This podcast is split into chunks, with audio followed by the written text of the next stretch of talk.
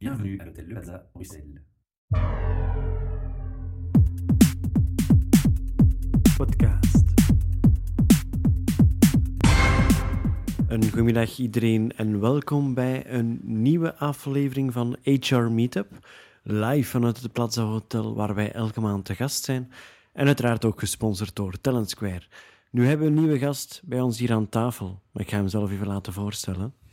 Ja, goedenavond. Eh, mijn naam is Nick de Porter en ik ben eh, momenteel leerkracht aan het VTI van Aalst. Dus eh, eigenlijk kom ik hier een beetje vertellen wat eigenlijk mijn jobinhoud is. Ik vind dat eigenlijk wel een, een heel interessant gegeven, omdat als ik zo hoor, zijn er nog heel wat misverstanden of misopvattingen rond de jobinhoud van leerkracht. En ik hoop dat ergens hier een beetje te verduidelijken. Nu even heel kort, met de nadruk op heel kort, denk ik dat, Ja. we gaan het voornamelijk over het onderwijs hebben. Maar even heel kort, wat is jouw parcours? Heb je eigenlijk gestudeerd eh, in de eerste plaats voor eh, onderwijs als leraar? Eh, nee, nee. Ik ben eigenlijk, ehm, ben eigenlijk afgestudeerd in de richting elektriciteit. Ik ben eh, ook te werk gesteld in de richting elektriciteit. Ik heb een paar, ehm, onder andere in Aalst gewerkt. Een onderaanneming voor een bedrijf dat Imtech. En dan ehm, ben ik nadien bij Colruyt terecht gegaan. een winkelinrichting als eh, technische dienst. Dan ben ik spijtig genoeg wegens operatie uitgevallen. En ik had eigenlijk het geluk bij Colruyt op die moment aan de slag te zijn, omdat zij dan ehm, mij de kans geven om intern naar een andere functie te gaan. Voor mij was dat een heel interessant gegeven, maar dan ga ik plots van elektriciteit naar informatica, waar dat dan wel, oké, ik was niet vreemd in informatica. Autodidact zijnde is dat eigenlijk nog vrij goed gelukt, maar dan nog heb ik zoiets van, als je informatica moet doen, of als jobinhoud, dan, dan zie ik mezelf verplicht als eigenlijk toch wel ehm, iets meer op de hoogte te zijn van informatica buiten hetgeen dat ik kon.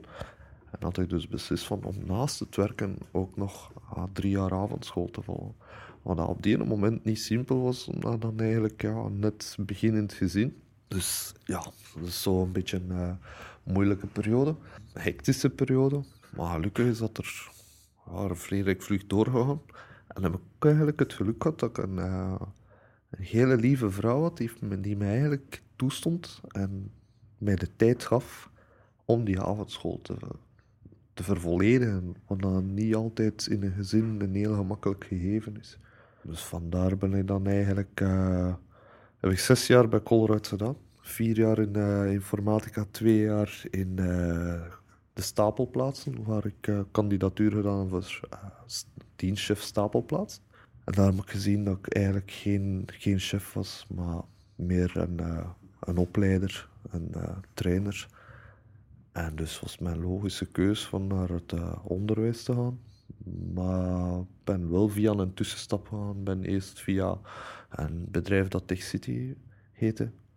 Ehm, daar ben ik eh, formateur trainer geworden, IT-trainer. En van daaruit ben ik dan naar het onderwijs gegaan. Ja, ik, ik zou direct zeggen, we gaan hier direct eh, de clichés uit de wereld helpen. Ik denk een van de clichés... hoor je al afkomen? Ja, voilà, kijk, ik wou het juist zeggen. Ik, zeg, ik denk dat je als, als eh, leraar zijn die ook wel gehoord hebt. Goh, die leraars, jong, amai, die hebben echt wel mooie vakantiedagen. Hè. Ja, dat klopt. Ik denk dat dat de grootste cliché zal zijn. Hè? De grote vakantie, twee maanden op je gat gaan zitten. En Ja, wij- nee, wij het- zitten nee, te- nee, nee. We zitten niet, we zitten niet twee maanden op ons gat. We zitten ook nog op reis, we gaan ook nog werken. Ah, ja. De zit niet moeten nog bij gerekend worden. Het is waar, het is waar. Ja, het is dat. Nee, het is, het is inderdaad...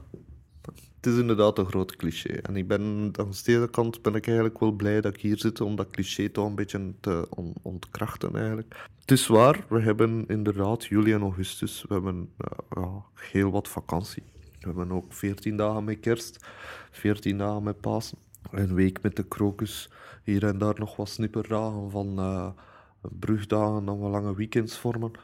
Ja, klopt. Maar als ik dan anderzijds bekijk, toen ik in de privé werk, had ik 20 dagen. 20 dagen vakantie op een jaar, aan werkende dagen, wat dat dan overeenstemt met één maand vakantie. Maar als ik dan ga bekijken naar het aantal overuren dat ik deed, als ik dan die allemaal had tellen, dan zat ik gemiddeld aan 30, 40, 50 dagen overuren per jaar. Als ik dat allemaal bijeentel, dan zit ik quasi aan eenzelfde hoeveelheid. Met dat verschil dat in het onderwijs dat je effectief de kans hebt om die vakantiedagen op te nemen. In de privé niet. Je kunt dat niet. Praktisch kun je dat niet. Je zit vast aan een planning, je zit vast in een team en niet iedereen kan die dagen krijgen. Je zit met je werklast, je zit met alles dat erbij komt kijken. Dus, eh, 20 dagen, oké, soms kan dat zijn dat je chef zegt van ah, nee, ga maar een paar dagen extra van je overuren. Goed, sommigen laten ze uitbetalen, dat is dan hun manier. Belastingen zijn daar heel blij mee. Als je dan alles gaat bekijken, in de privé heb je dan maaltijdchecken. In de privé de groepsverzekering soms. In de Nu ja, ik wil privé- niet kort door de bocht gaan, maar waar ik bijvoorbeeld ook aan denk is, als eh, leraar zijnde, ja, je bent verplicht in die periodes vakantie te nemen. Ja, het is niet dat je op een ander moment kunt gaan vakantie nemen. Nee. En dat zijn ook altijd periodes waarin dat alle reizen het duurst zijn. Dus dus dat- weet verdien- verdiende wel wat meer, omdat ze zeggen van, eh, ja, je werkt eigenlijk van de overheid en je verdient wat meer. En, maar uiteindelijk betaalde het wel uit door het feit dat je reis soms 150, 200 procent duurder is, omdat wij buiten die vakanties op reis gaan. Ehm, Om maar een voorbeeld te geven, natuurlijk. Ook en qua voordelen, financiële voordelen. like, sommige mensen hebben een, een tankkaart. We hebben geen tankkaart. We hebben geen maaltijdchecken. We hebben niks. Allee, toch niks in die zin. Dus als je dan alles bij elkaar gaat, bij elkaar gaan afwegen. En ik kijk naar het aantal uren dat ik doe op een week. En ik kijk naar de vakantiedagen die er tegenover staan. Zonder de bijkomende voordelen. En ik kijk naar mijn periode toen dat ik in de privé zat, waar ik 20 dagen had, heel veel overuren had, maar dan ook nog een tankkaart had, dan ook nog dit, soms een firmawagen in sommige gevallen. Als ik dat allemaal moet gaan afwegen tegenover elkaar, dan zitten we status quo. Maar Ja, maar iedereen, is iedereen staart zich Dat blind. is de bedoeling ook van het interview. Ja, het, het- zijn zo die clichés. Hè. Ik bedoel, Wel, maar denk voor mensen die er even op. langer nadenken dan die Maar 10 ik- seconden als ze iets hoorden Ja. op de tv. Let op, ik was vroeger... dat ook wel, denk Let ik. op, ik was vroeger ook zo. Ik ga dat, ik ga dat niet onder stoel Ja, of banken steken. betrapt. Nee, dat is... Al uw collega's die gaan u weten te vinden nu. hè. Ja, maar ze mogen ze me weten te vinden. Ik heb dat tegen hun ook al gezegd. Ik was vroeger ook zo. Maar sinds ik zelf in het onderwijs sta, is mijn mening er volledig rond herzien. Omdat ik nu echt zie wat de job inhoudt. En nu echt zien wat de job eigenlijk betekent. Het is niet zomaar voor een klas gaan staan en zeggen, ja jongens, eh, A plus B is gelijk aan C, voilà, dat is de les voor vandaag. Volgende week je daar toets stond en gedaan. Eh, nee, dat, nee. Je zit met zoveel meer aspecten. Je komt in de kleine vakanties bijvoorbeeld ik al mijn voorbereidingen. Cursussen die moeten up-to-date gezet worden, soms volledig nieuw gezet worden. Soms van het departement onderwijs dat de leerplannen, dus hetgeen dat de leerling moet kennen na het einde van een schooljaar of graad, veranderen, waarin dat de doelstellingen anders worden gezet. En dan mogen Hans de cursus aanbieden up-to-date zetten. Nu, gelukkig bij elektriciteit, het vak dat ik geef, is dat eigenlijk nog redelijk stabiel gebleven, lange tijd. Maar nu merkt er ook dat er heel wat verschuivingen gebeuren. Uh, ik zeg maar iets, onlangs, uh, x aantal jaar geleden, ging uh, de overheid met de gedachte naar de mensen toe van ah, overal zonnepaneel. Goed, overal Ja, zonnepanelen. dat ja, maar dat wou dus zeggen dat een elektrieker, die kreeg plots een installatie meer. Waar zonnepanelen plaatsen, was een omvormer plaatsen, was uw kabel springen, was zit daarmee uw aansluiting aan het straat die enigszins er verandert. Er komt een, een aansluitdoos meer bij. Er komen zoveel dingen bij. En dan, ah, ja, we gaan ook nog, ze er nog mee uit, alle EPB-normen, de uh, energieprestatiegerichte normen, dat is allemaal heel goed, maar sommige delen waren elektrisch getint, dat de kablage moest aangepast worden, dus ze zijn weer vertrokken. Tegenwoordig meer en meer internettoepassingen in huis. Domotica wordt stilaan meer en meer ingeburgerd. Niet als domotica, mensen aan domotica denken, dan denken ze misschien aan alles wat ze vroeger in het huis van de toekomst zagen en die zaken. Uh, ja, dat kan ook, maar dat hoeft erom niet. Maar tegenwoordig rolluikbediening, niet meer aan het koordje trekken, maar met knopken, dat hem mijn Ja, buismotor... dat koordje trekken, en- daar heb ik ook nog eh, slechte ervaringen mee. Ah, wel, maar het, zijn, het zijn meer en meer toepassingen die tegenwoordig al standaard worden aanzien worden. Ook meer en meer mensen die naar eh, kookprogramma's kijken, die zeggen, oh ja, hobbykok, dat lijkt me nog wel leuk en zo. Maar Ik kan mijn, kan mijn, kan mijn nieuwe keuken plaatsen en in mijn nieuwe keuken voorzie ik een teppanyaki, voorzie ik een, een steamer. eh, die- Je zit met tal van meer toepassingen. Als ik kijk naar het middels geïnstalleerd vermogen in een keuken over de laatste 10, 15, 20 jaar, dan is het vermogen maal 3 gegaan. Maar dat wil dus wel We zeggen... dat steken het allemaal op die kookprogramma's, hè, dat we rond oren gesmeten worden. Om niet te zwijgen van de komen eten Ook al. afleveringen. Ook al. Ja, ik wil gewoon even, eh, wel, wel informatief, maar eh, Mhm. je komt eigenlijk van de elektriciteit, je Ja. gaat terug de elektriciteit in. Ja. Daar zitten een aantal jaren tussen, we gaan hier niet aan hoeveel. Ja, Mocht, mocht dat. Zo, nee, dat, is, dat is geen probleem. Er zit 10 jaar, eh 12 jaar tussen eigenlijk. Dat ik in de privé zit. Tussen 12 jaar tussen privé en onderwijs. Ja. En wat is er veranderd op die tijd? Ehm, Buiten dan het feit dat de vermogens groter zijn. eh, Ja, ik denk dat, vermo- ik denk dat de grote verandering e- eerder gekomen is door eh, de verandering in de maatschappij en, en dat daardoor eigenlijk de jeugd eigenlijk volledig veranderd is ten opzichte van vroeger. Ik ga niet zeggen dat ze verwend zijn, maar het is, het is een natuurlijk fenomeen dat, dat, zich, dat zich voordoet. Vroeger hadden, ah, ja, om niet te zeggen niets, dus niets is veel gezegd, maar als, we vroeger, als ik vroeger naar tv keek, dan had ik misschien 12, 13 tv-posten. Drie op de Nederland, BRT1, BRT2, VTM, dat net uitgekomen was. Dus dat was al hoe. Al de rest waren Franse posten. Nu, ja, mij stoorde dat niet. Mijn, mijn Maar het, klinkt misschien stom, maar, maar bij mij was het effectief ook nog zo. Wij hadden wel nog, wij hadden nog toen Filmnet was dat. Allee, Ah, nu, ja, nu is dat, Kanaal Plus en nu dat is dat Kanaal eigenlijk nu is dat Playmore. Nu is dat Playmore geworden. of Playmore. Ah ja, het is ondertussen al van, van Prime. dat- Ah, dat is Playmore. maar dat is dus, allee, ik spreek nog van de tijd. ja, eh, ja hè. dat is... eh, Ehm, en dat waren dan de drie posten die wij meer hadden. Dat was van, ja, wauw, films. En dan keek je daar een maand naar. En om duur had En dan eigenlijk was alle dat films al gedaan. gezien en was het al voorbij, weet je. en dat was ook Maar gedaan. effectief, zoals gezegd, ja, die vijf posten. Maar om nu heel eerlijk te zijn, stomweg met uw standaard pakket, die, wat is daar, rond de 200, 300 zenders, of Ja, wat is het dus ja. meer, denk ik. Hoeveel kijkt er er effectief van? Maar het, het, had hem niet, het had hem niet zozeer om het aanbod aan zenders dat we krijgen. Het had hem meer om het feit van alles wordt gedigitaliseerd. En naarmate dat alles gedigitaliseerd wordt, wordt alles ook in een modern jasje gestoken. In die zin alles krijgt meer streaming. eh, alles wordt meer in de cloud gegooid. Je krijgt meer eh, internettoepassingen. De grens met internet is niet zo groot als de grens die wij vroeger hadden. Vroeger hadden we een 56k-modem. Je zet hem op, mocht eerst een tas koffie gaan drinken. Voilà, En dan had het een mooie piepje zo de achtergrond. Ah, en tegen dat u opgegroeid tas zijn. koffie op was, stond Google online. En, en nu pakt u bij manier van spreken uw gsm, waar dat op die moment ook al geen sprake van was. Maar één verschil is wel gebleven, hij is nu even groot als toen. Hij is wel gewoon wat dunner geworden. Maar nu zet u je gsm op, kijk, ga kijken. De mensen kijken, de jeugd van tegenwoordig kijkt niet meer naar Welcurus of, of ga bellen of ga dat gebruiken waarvoor het gemaakt is om te bellen en een bericht te sturen. Nee, ze zetten dat op. Wat staat erop? Facebook, Twitter, noem maar op. Instagram, Instagram, Shazam WhatsApp, zit erop, eh, WhatsApp zit erop. eh, voor sommigen een- onder ons Tinder, voor als ze niet van de straat ja, ook. Maar eh, dat begint, dat begint eigenlijk een onderdeel van hunzelf te worden. En als je dan eigenlijk gaat zien naar hoe dat de jeugd dan geëvolueerd is, dan zie je dat ja, digitale wereld, dat dat voor hun al even normaal geworden is als dat wij vroeger gingen buiten spelen.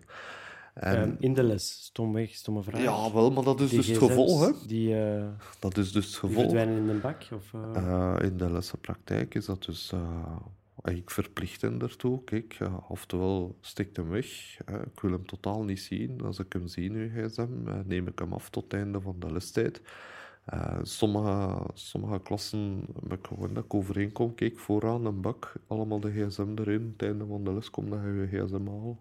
Ik steek er de mijne ook bij, om het voorbeeld te geven. Geen discussie. Dus het lesgeven is niet meer het lesgeven dat vroeger leerkracht stond aan boord, gaf zijn les zo goed en zo kwaad mogelijk. En iedereen schreef mooi braaf op. Nee, schrijven met moeite. ja, het gaat er om zo'n beetje... Het gaat er eigenlijk zo'n beetje om dat de jeugd, dat je die opnieuw op een totaal andere manier moet gaan benaderen. Dus als je dan eigenlijk gaat zien naar jobinhoud qua leerkracht toe is, en is niet meer voldoende van zuiver les te geven. Nee, nu is het lesgeven samen met het psychologisch aspect. En, en dan zou eigenlijk zitten in een volwaardig managementsysteem. Ehm, misschien een stomme vraag, en ik, misschien dat dat eh, een... er bestaan geen stomme vragen. Nee, alleen maar stomme antwoorden, antwoorden. zeker. nee, maar wat ik denk, wat vandaag de dag misschien ook veranderd is tegenover vroeger, Mhm. het kan, kan verkeerd denken, hè, maar ik denk dat door hoe dat maatschappij momenteel gevormd is, dat er meer en meer verwacht wordt dat eigenlijk de leraars en de leraressen de opvoeding doen van de kleinen in plaats van de ouders. Want de ouders hebben geen tijd en het is toch op school dat de manieren moet leren en je mag niet aan je kleine komen. Allee, ja, stom, een stom voorbeeld. Ik als klein manneke, als ik iets misdaan had, had ik plets onder mijn broek en ging ik in de hoek gaan staan voor een paar uur. Ja, Vandaag de dag omgekeerd. Hè. Ja, dat de voilà, leerkracht een paar uur in een boek staan. Voilà, ja, omdat, je, ja. ra- omdat je effectief kwaad Dus het is, het, eh, het is effectief zo dat dat eigenlijk meer op de toppen van de tenen lopen is soms als leerkracht. Omdat, eh, soms, soms is het eigenlijk bang. Allee, bang is misschien een groot woord. Maar vroeger ging de quoteren naar het kunnen van de leerling op het moment dat je de quotatie gaf. Was dat een tijds, tijdsmoment. Hè, voilà. Nu, op deze moment, kende hij die leerstof niet. En de leerling ging naar huis en effectief, vader of moeder was "Ah, en hoe kan dat? En beter leren en ik ga mij bij u zitten. En... Maar dan had het, het familiale geven waarbij dat waarschijnlijk moeder nog thuis aan de haard stond, zoals dat Ja, gevoel. maar ik weet niet. Of- ik denk dat je of- vandaag dag eerder zoiets hebt van... Als ik thuis kwam met slechte punten, dan wist ik het wel. Dan mocht ik het Ja. thuis ook nog eens opnieuw doen. Ja, Ik denk, dat als je nu vandaag de dag naar huis gaat met slechte punten, dan staan de ouders daar bij die leraar en zeggen ze, hoe komt dat mijn kleine slechte punten Ja, heeft? ja, dat is. Allee, ja, Maar ze zijn, niet, ze zijn gelukkig niet allemaal ze zo. zijn niet allemaal zo Ze natuurlijk. zijn niet Ja, allemaal zo, maar het is, allee. het is effectief zo. En, en op die moment, nu wordt er meer en meer gemikt op eh, remediëring. Wordt er meer en meer gemikt op eh, hoe kunnen we de leerstof op verschillende manieren aanbieden. Eigenlijk allemaal in belang van de leerling. En als ik eerlijk mag zijn, dan, dan mag ik zeggen dat dat eigenlijk op dat gebied het onderwijs een stuk vooruit zou gaan is. Want vroeger wist men niet of een leerling het kon of niet kon. En als de lessen niet goed waren, dan ging de heel cliché, dan ging de in de hoek gaan staan met de ezelzoren op de kop en dan werden we, dan eigenlijk verweten van dommerik. Nu hebben we gezien dat eh, de leerling niet altijd dom is, dus hij is nooit dom, maar soms heeft de leerling eh, stoornissen, leerlingstoornissen. Eh, dat kan, hij kan ADHD zijn, zonder dat hij weet. Hij kan een vorm van autisme hebben. Dat eigenlijk maakt dat de leerstof op een andere manier moet aangebracht worden. Maar ik begrijp van, inderdaad, voor, voor bepaalde profielen, dat het meer aangepast is misschien.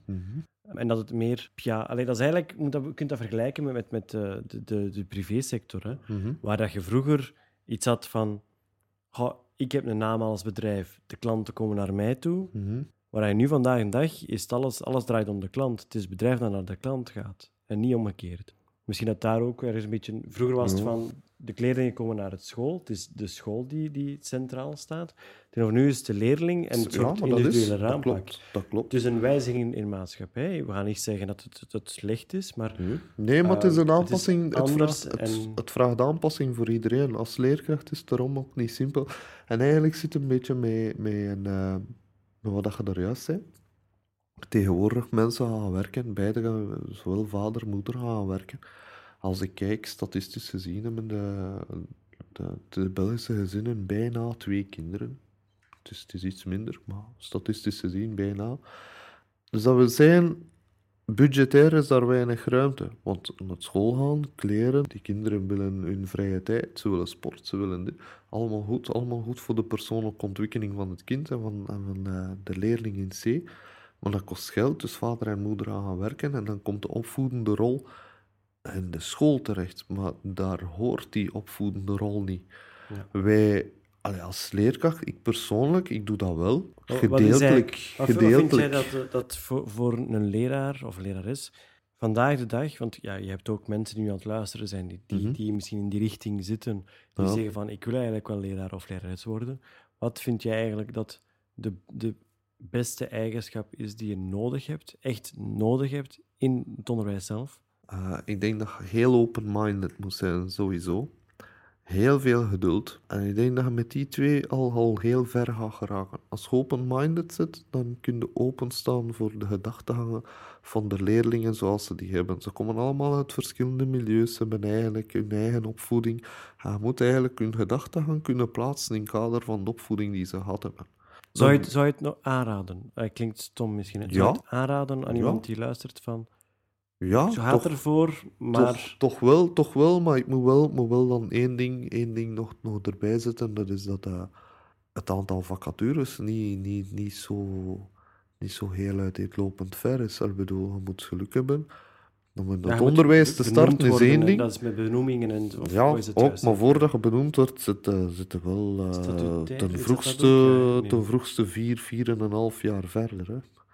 En dat is als je geluk hebt dat je altijd in dezelfde school kunt staan, als er voldoende uren in die school zijn, als er voldoende leerlingen zijn, als je goedgekeurd wordt, als er geen andere mensen met meer prioriteit op u ertussen springen. Er zijn tal van factoren die erbij komen Heel, die heel eigenlijk veel de job als dit, als dat. ja, dat, en dat maakt de job eigenlijk moeilijk in die zin dat er zijn veel zaken waarop dat de mensen in het begin op afhaken. Als je statistisch gaat zien, dan zitten we, geeft de gemiddelde leerkracht na vijf jaar op. Ja, en dat is zo net de periode waar dat je eigenlijk Ja, het begin pas, Ja. laat het zo zeggen. ja.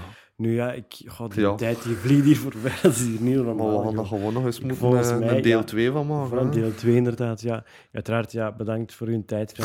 Nee, dat is graag gedaan. Ehm, zeker en vast voor allegenen die aan het luisteren zijn. Mhm. En als zij nog vragen hebben, eh, geef ons gerust een seintje op onze Facebookpagina of zo. En dan gewoon een commentaartje op het interview. eh, als ze nog bijkomstige vragen hebben. Ja, Wij spelen die door naar de juiste persoon en we zorgen dat wij ook een antwoord kunnen het geven. is goed, absoluut. In orde? Goed, Oké, tot eh, de volgende keer. dan, hè. absoluut. We Voilà. doen dat. Dankjewel. Dank. Podcast.